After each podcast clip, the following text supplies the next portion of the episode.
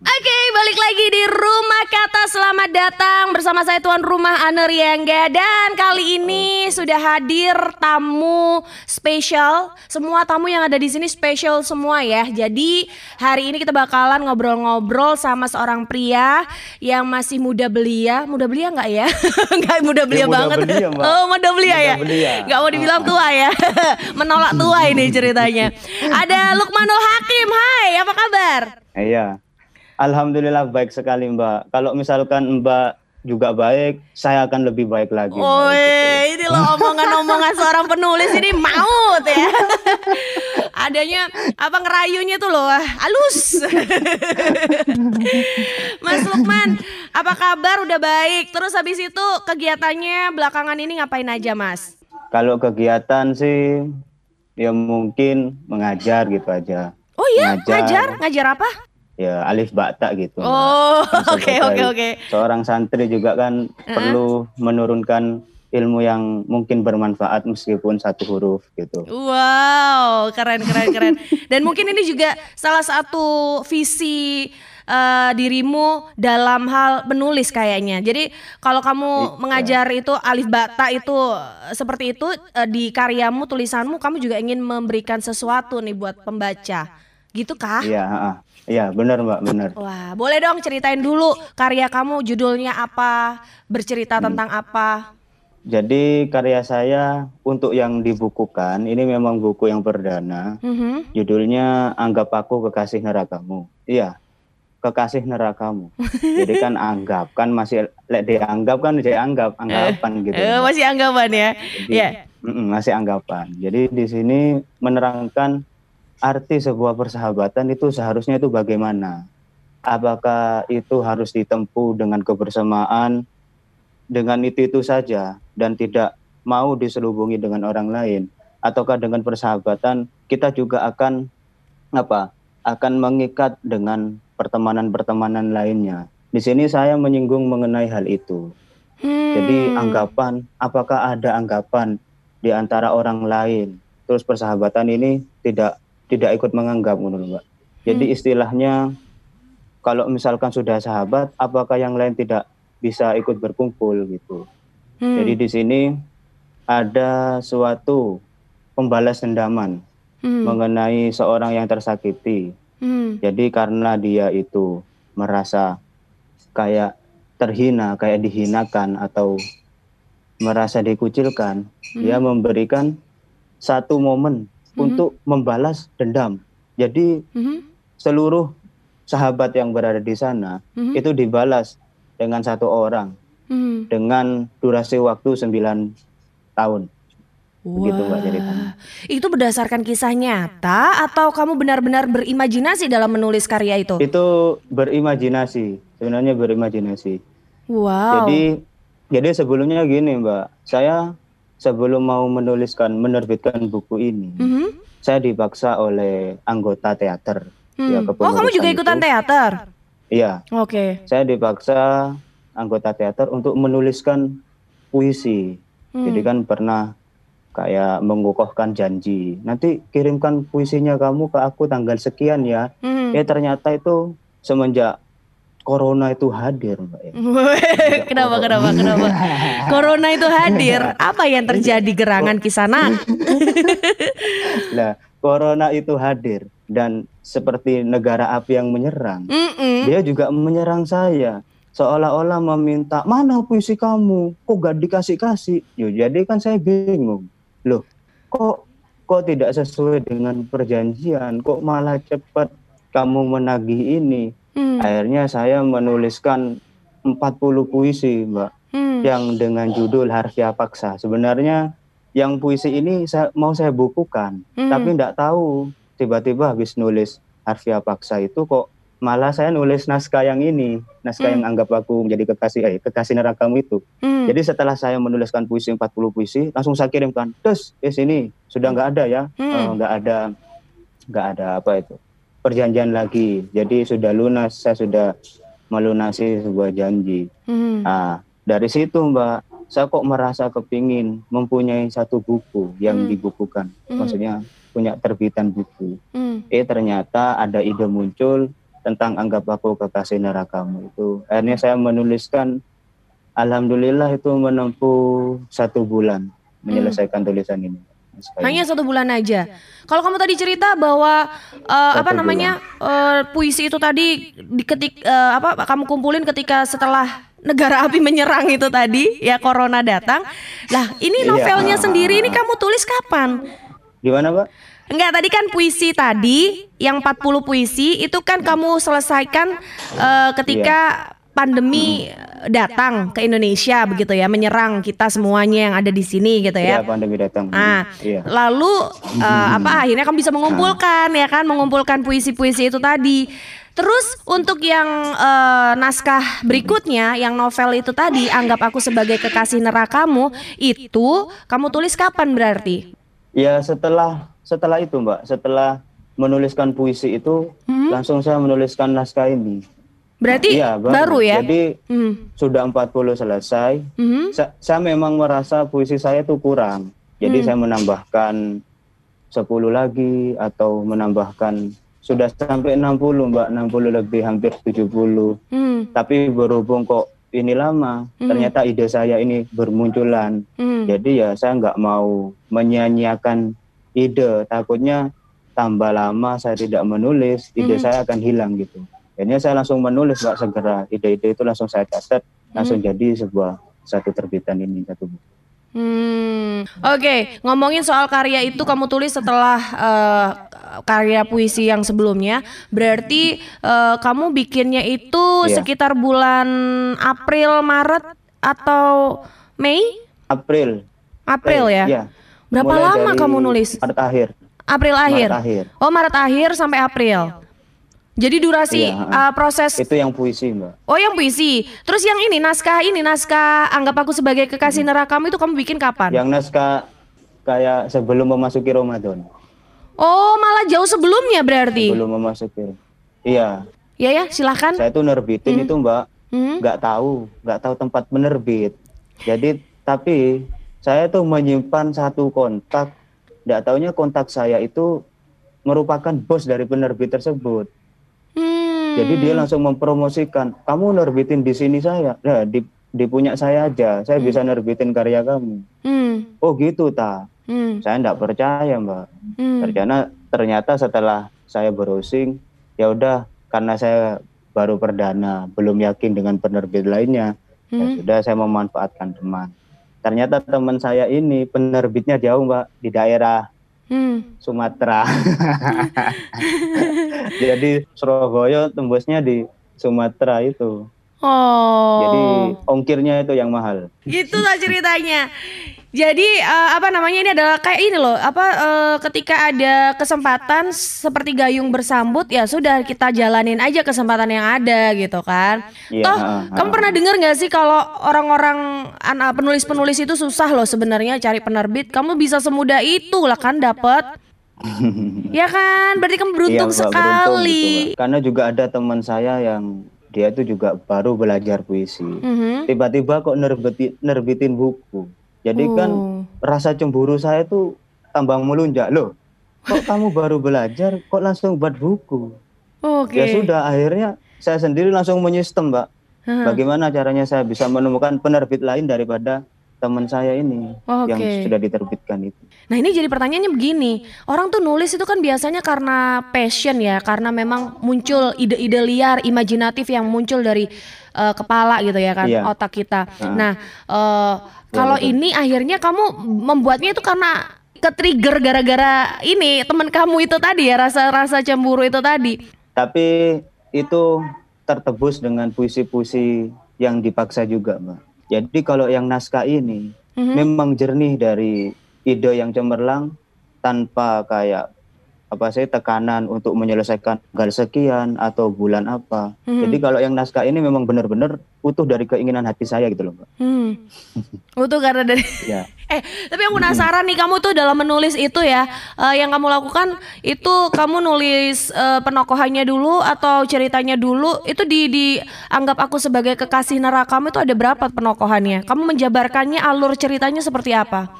Jadi ceritanya hanya pertama kayak pertemuan reuni. Hmm. Setelah pertemuan reuni itu membahas cerita-cerita kisah apa sih yang sudah dijalankan kayak gitu. Hmm. Yang sudah dijalankan selama lulus dari SMA itu apa? Hmm. Oh, saya menjalankan ini, saya kerja ini dan lain-lain. Dan di balik itu semua banyak cerita yang menyambungkan tentang kekasih gitu loh.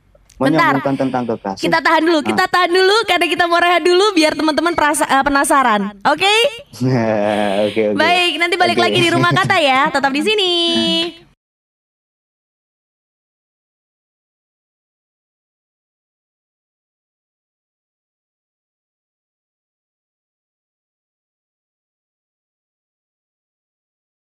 Balik lagi di rumah kata dan masih bersama Lukmanul Hakim.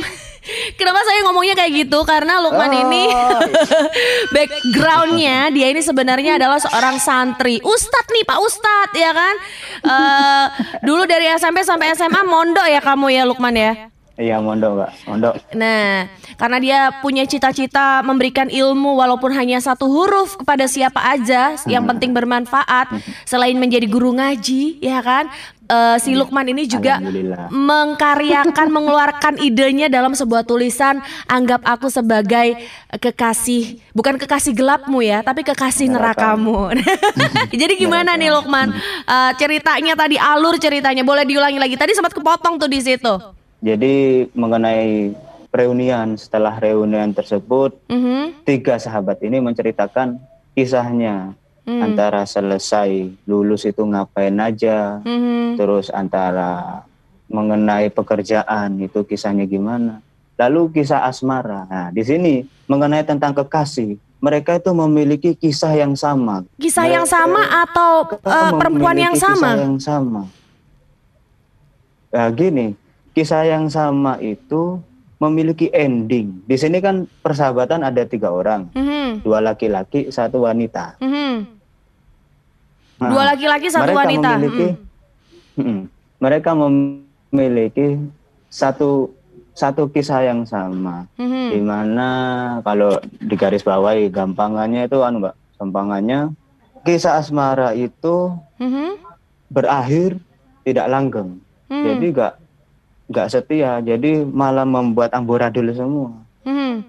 nah ternyata di sana itu baru ada yang namanya bisikan atau kabar Mhm. kabar dari yang telah diketahui bersama Hmm. oh sepertinya kita itu sedang diuji Hmm. diuji gitu Mhm, ngomongnya perasaannya diuji Tuhan tapi tidak mbak mhm. di sana itu ada balas dendamnya ada balas dendam yang direncanakan 9 tahun oleh satu teman yang tidak teranggap menjadi sahabatnya Wah, jadi jeng-jeng gitu ya. jeng jeng jeng. iya gitu Iya iya iya iya iya iya iya iya. Eh, tapi apa ketika membuat naskah itu kamu pernah menemukan kendala-kendala apa? Maksudnya begini, memang banyak ya kendala. Salah satunya adalah contohnya males, ide nggak ada. Itu udah banyak banget dituangkan oleh penulis-penulis. Nah, kalau kamu sendiri yang menjadi musuh terbesar kamu dalam menulis itu apa? Musuh terbesar saya itu ya pastinya be- benturan dengan waktu, kayak kesibukan. Tapi saya selalu menyempatkan meskipun saya menongkrong di mana. Mhm. Kalau ingin melanjutkan tulisan, ya saya lanjutkan tulisan, Mbak. Karena kan saya menulisnya langsung lewat HP. Oh, langsung lewat HP. Saya langsung nulis lewat langsung lewat HP. Nanti kalau sudah selesai, tinggal saya kopas langsung saya salin di laptop gitu.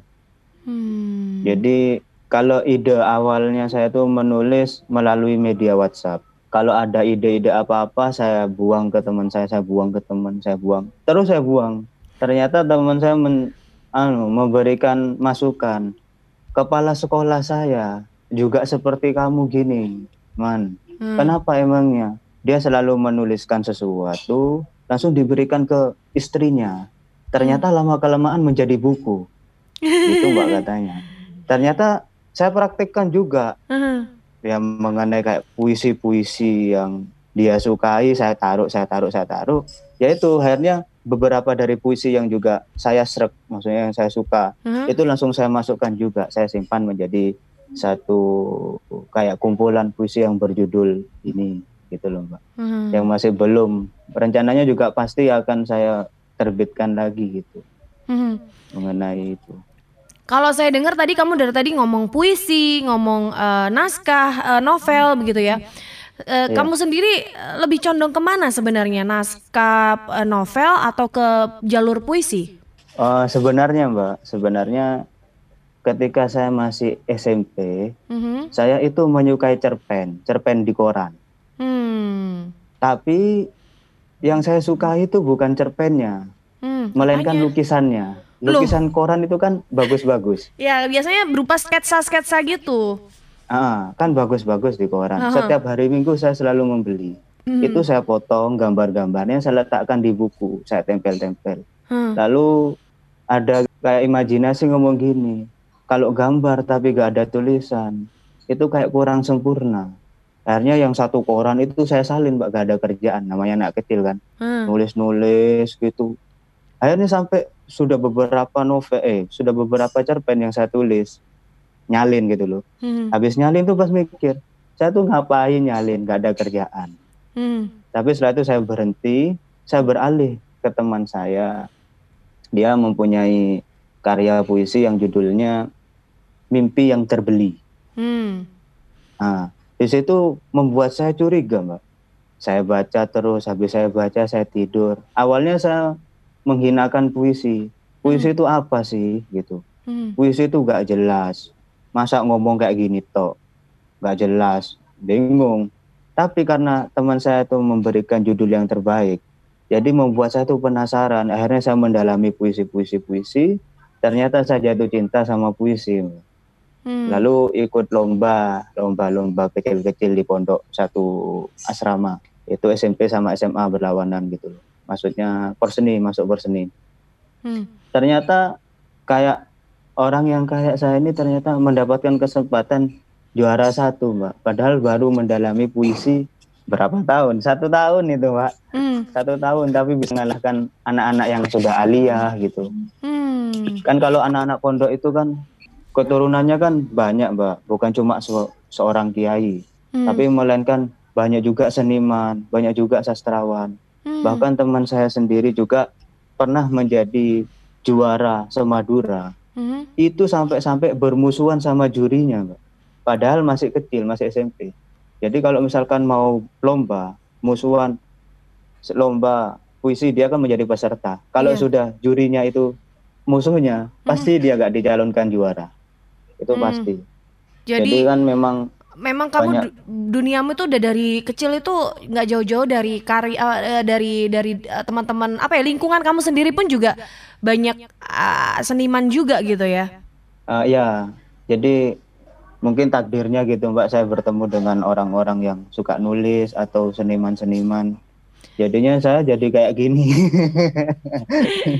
eh tapi loh eh, banyak ya orang-orang yang eh, seniman apa ya penu kamu nih kalau aku bilang itu nggak hanya ah, nggak nggak pure penulis sih ya kamu tadi bilang kamu juga anak teater gitu ya kamu tuh semacam pujangga gitu aliran-aliran Iya, pujangga gitu kan pujangga semoga kamu bukan Laila Majnun ya.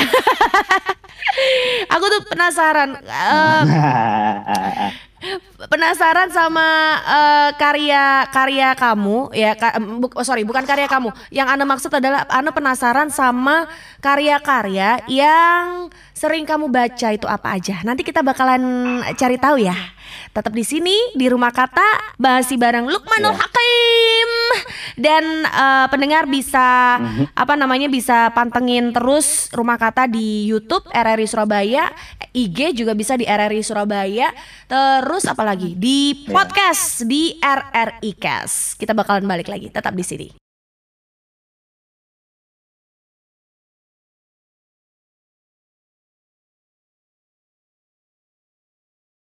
Tetap di sini, masih di sini dan kembali lagi. Aduh, selalu deh Anda tuh ngomong kayak gitu ya pendengar ya. Tapi yang jelas memang Anda suka banget eh, ngajakin pendengar untuk selalu bertamu di sini di rumah kata karena kita bakalan menambah wawasan bareng teman-teman penulis ya kan dan kita cari tahu eh, tips dari mereka seperti apa menulis itu gitu ya. Baik, masih sama Lukmanul Iya. Hakim dan kita masih ngomongin karya-karyanya, masih ngomongin bagaimana eh, dia ini menulis gitu ya. Tadi terakhir, anak kok jadi lupa ya terakhir kita ngobrolin apa tadi, Man? Mengenai lebih condong puisi atau Iya benar, lebih condong dan- ke puisi atau atau, ke- bacaan lainnya gitu. atau ke- bacaan lainnya. Nah, Ana tuh pengen tahu, kamu itu eh, pasti kan tahu kan ada penulis-penulis ternama seperti yang barusan aja meninggal Sapardi Djoko Darmono ya kan? Iya. Terus ada juga Khairil Anwar ya kan? Bukan Khairul Anwar. Iya Khairil, Ha. ya Khairil Anwar ya kan? Itu terus habis itu Iya. eh, kalau yang dari luar sana ada Khalil Gibran gitu ya kan? Iya. Iya benar kan? Nah, Ya betul, Mbak, betul. Soalnya aku tuh anak sastra yang nggak nyas nggak nyastra sebenarnya. Sastra dikit tipis-tipis gitu kan. Dulu kuliah di sastra soalnya. Nah, ini anu pengen tahu nih eh, kalau karya-karya dari penulis-penulis terkenal itu itu kamu kamu suka yang mana?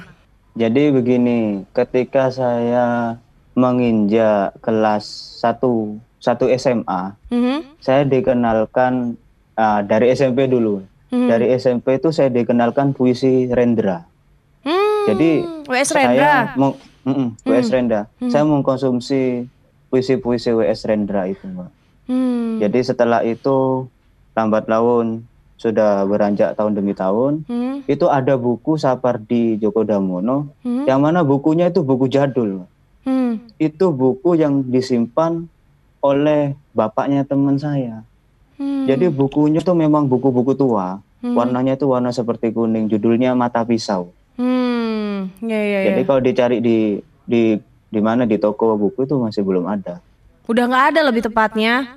Su- Sudah gak ada lebih tepatnya. Kemudian setelah saya lebih beranjak lagi tambah kayak kelas Mhm. kayak mau akhir kelas SMA akhir Mhm. itu ternyata saya kenal buku yang lebih abstrak lagi buku puisi yang lebih abstrak Mhm. yang karyanya dari Sutarji Kulzumbahri yang Hmm. menjadi presiden sastra sekarang itu yang saya tahu Presiden sastra. Oke, terus kayak berarti kamu tuh lebih kayak kalau kamu eh, ini apa ya aliran yang kamu eh, ikuti itu lebih ke mana nih? Surrealisme, apalagi A- ada aliran-aliran apa gitu ya? Surrealisme, ada animisme, apa ya? Lupa aku. Masih ingat gak, Lukman? Ah, Aliran bebas kamu ya? saya, ya saya bebas karena ya tinggal Surrealis, mengikuti oh. apa yang dikatakan hati gitu kan jadi saya mengikuti apa isi hati. Ber, berpatok berpatok dengan berpatok dengan ini kayak Sujiwo. saya Sujiwo menuliskan dengan nurani. Jadi saya juga akhirnya mempunyai ikatan, maksudnya ikatan untuk diri saya sendiri. Kalau nulis ya kudu dengan hati nurani. Jadi Hmm. agar kita menyampaikan itu langsung menyambung dari hati ke hati. Iya. Hmm, weci.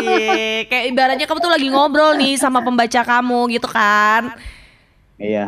Iya walaupun nggak ada feedbacknya juga ya. Terus siapa tahu mungkin kamu habis habis bikin buku terus ini apa namanya ada yang tiba-tiba berkirim surat padamu, we. Ya kan, berkabar lewat eh, surat begitu dan akhirnya berkenalan ya kan, berjodoh. Udah ada yang gitu atau kamu sudah sudah sudah ada gandengannya nih? Enggak, saya enggak masih belum mempunyai minat bergandeng.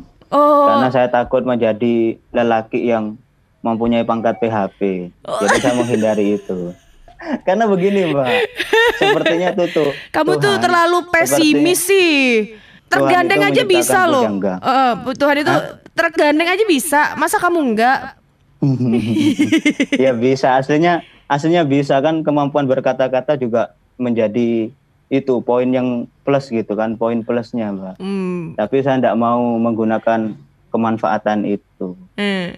karena kalau kalau menurut saya sendiri mbak Mhm. pujangga itu memang disuruh Tuhan untuk menyenangkan hati seseorang maksudnya seseorang kan banyak hati orang-orang Hmm. jadi dia menuliskan puisinya lewat status Hmm. lewat story, WA untuk menyenangkan orang-orang. Hmm. Bahkan saya pernah Mbak ditelepon seseorang itu yang sudah mempunyai suami.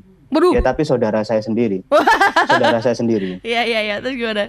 Ya beliau, beliau ngomong kayak gini, "Dek, suamiku ndak romantis. Saya bingung." Hmm. Jadi saya langsung ngomong, "Loh Mbak, kan ada aku." Biarkan kata-kataku yang mewakili suaminya sampai. Wah. Anda ini ya sungguh terdengar receh sih ya Tapi kadang-kadang perempuan tuh kalau dengerin kayak gitu tuh langsung Oh gimana gitu ya Langsung berflower hatinya itu Ya kan Soalnya soalnya begini juga, Pak. Apa? Hoiril Anwar kan juga mempunyai mempunyai kisah kayak wanita-wanita Hoiril Anwar. Rendra juga pernah mempunyai satu karya yang judulnya Pubertas. Di sana juga membahas wanita-wanita juga. Hmm. Bahkan yang sekarang Usman Arumi pun yang lagi tenar baru menuliskan puisi 1001 kisah atau apa itu, Pak. Udah masuk di Instagram gitu. Nanti kamu ada rencana untuk menuliskan karyamu berikutnya berkaitan dengan perempuan nggak?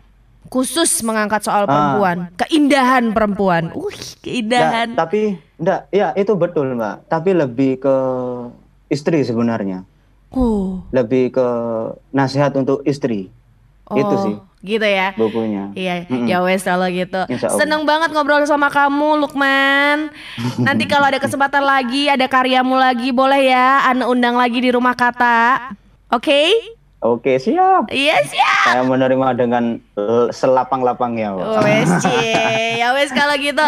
Anda sudahi dulu rumah kata kali ini yang jelas kamu bisa pantengin terus rumah kata kepo-kepoin stalking aja IG sama YouTube-nya di RRI Surabaya dan juga bisa lewat eh, podcast di RRI Cast dan tentunya di 95,2 Pro 2 FM Suara Kreativitas. Ciao ciao, bye bye.